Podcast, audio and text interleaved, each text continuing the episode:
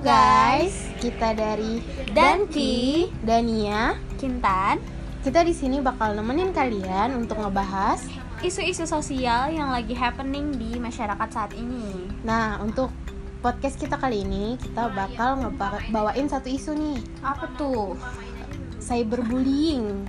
Tapi aku kayak kurang tahu gitu loh cyberbullying itu apa. Kamu tahu nggak cyberbullying itu apa?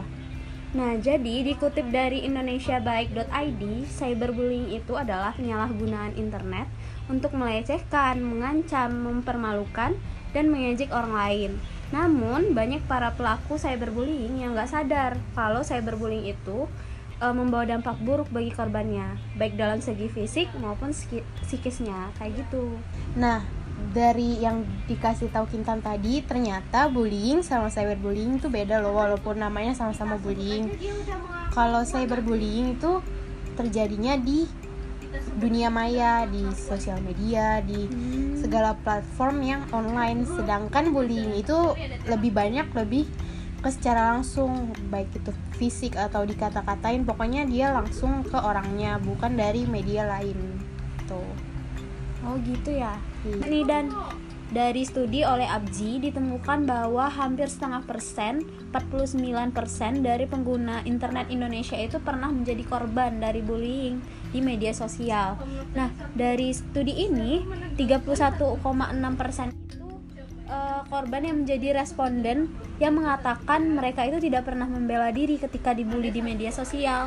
Nah, sedangkan 7,9 persennya itu membela diri mereka dengan mengintimidasi pembuli tersebut. Gitu Oh, dah. Jadi lebih banyak dari korban ini yang ya udah dibully dia nggak bisa ngebalas ngebalas lagi gitu ya. Mm-mm, benar. Hmm. Sayangnya nih yakin Hmm? korban-korban dari cyberbullying ini ternyata dulunya pernah juga jadi korban atau sedang jadi korban dari bullying tradisional. Jadi kayak dibully biasa dan dibully di cyber. Jadi double bully gitu kan kasihan ya. Iya. Ya Nah. Oh iya, kita di sini nggak cuma berdua loh ngomong ini. Kita ada salah satu teman kita dari psikologi. Unan ya. Ya, kita di sini mau nanya-nanya gimana sih cyberbullying dari sisi psikologi. Nah, kenalin dulu nih teman kita. Eh, ya, kenalin nama aku Fadi dari Psikologi Unan. Eh, jadi udah. Jadi Fadidi itu di sini Iya. mau Mau- ngebantu kita nambah-nambahin atau ngejelasin apa sih cyberbullying dari psikologi gitu. Nah, jadi yang penasaran nih kalau cyberbullying itu di dari sisi psikologi itu apa sih?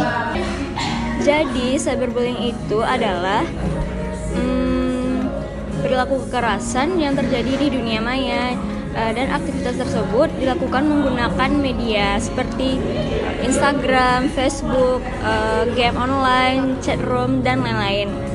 Cyberbullying ini juga dapat terjadi pada kalangan usia pengguna media sosial karena media sosial hampir digunakan di mana-mana dan sering diakses oleh remaja dan dewasa awal.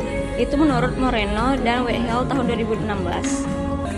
Nah, jadi kita sebagai orang awam harus tahu dong apa karakteristik-karakteristik dari cyberbullying. Menurut Fadi, apa sih karakteristik dari cyberbullying sendiri? Hmm, menurut aku sih karakteristik untuk eh, perilaku cyberbullying ini tuh adalah eh, dia itu memiliki jiwa-jiwa yang untuk kayak mana dia tuh suka kayak suka menghujat gitu. Jadi caranya itu dia dengan menghina dan mengejek orang tersebut. Pada saat orang tersebut eh, mengunggah atau memposting foto atau statusnya gitu.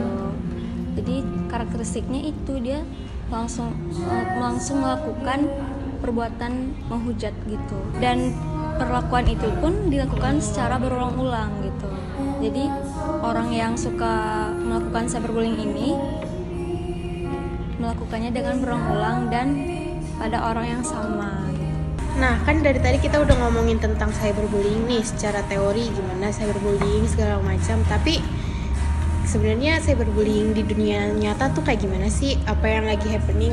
Kintan kamu tahu nggak salah satu contohnya? Em, aku ada sih salah satu contoh. Eh, salah satu contoh eh, yaitu selebgram yang inisialnya itu K.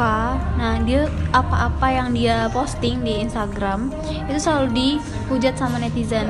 Padahal dia nggak uh, nyudutkan orang atau apa pun itu, tapi uh, dia selalu salah di mata netizen. Tapi di satu sisi aku ada sih salah satu apa ya artis dia pernah waktu itu kena kasus narkoba. Oh iya, siapa tuh? Inisialnya J JN. Mungkin yang denger tahu ya. Iya, tahu dia lah. tuh termasuk yang good looking lah untuk seorang Hmm, artis. oh nah, walaupun dia kena cyberbullying, tapi banyak loh ternyata fans-fans dia yang ngebela dia kayak bilang eh Semangat. Iya semangat. Terus dia kan juga manusia, nggak apa-apa dong begini begini gi- begini. Padahal kita tahu kalau apa yang udah dia lakuin itu salah. Jadi kayak ada standar ganda gitu dari antara yang emang good looking sama yang kurang good looking kalau kata netizen. Beda banget dong ya Iya. eh, dari contoh kasus yang aku kasih sama Dania kasih itu. Iya. Terus Padi ada contoh juga nggak yang Padi tahu? Nah, kalau aku sih ada. Pasti kalian pasti pada tahu kan sama yang lagi booming itu loh. LL si LL. Kan LL juga pernah dihujat loh waktu itu.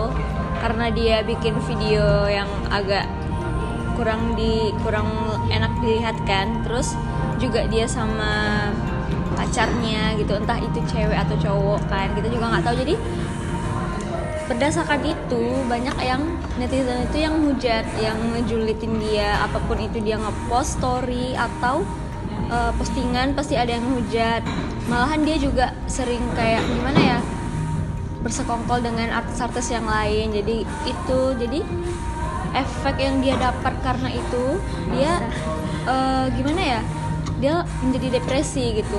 Dan lama kelamaan akhirnya dia mengonsumsi obat narkotika atau psikotropika dan yang lainnya. Dan itu pun membuat dia kena kasus.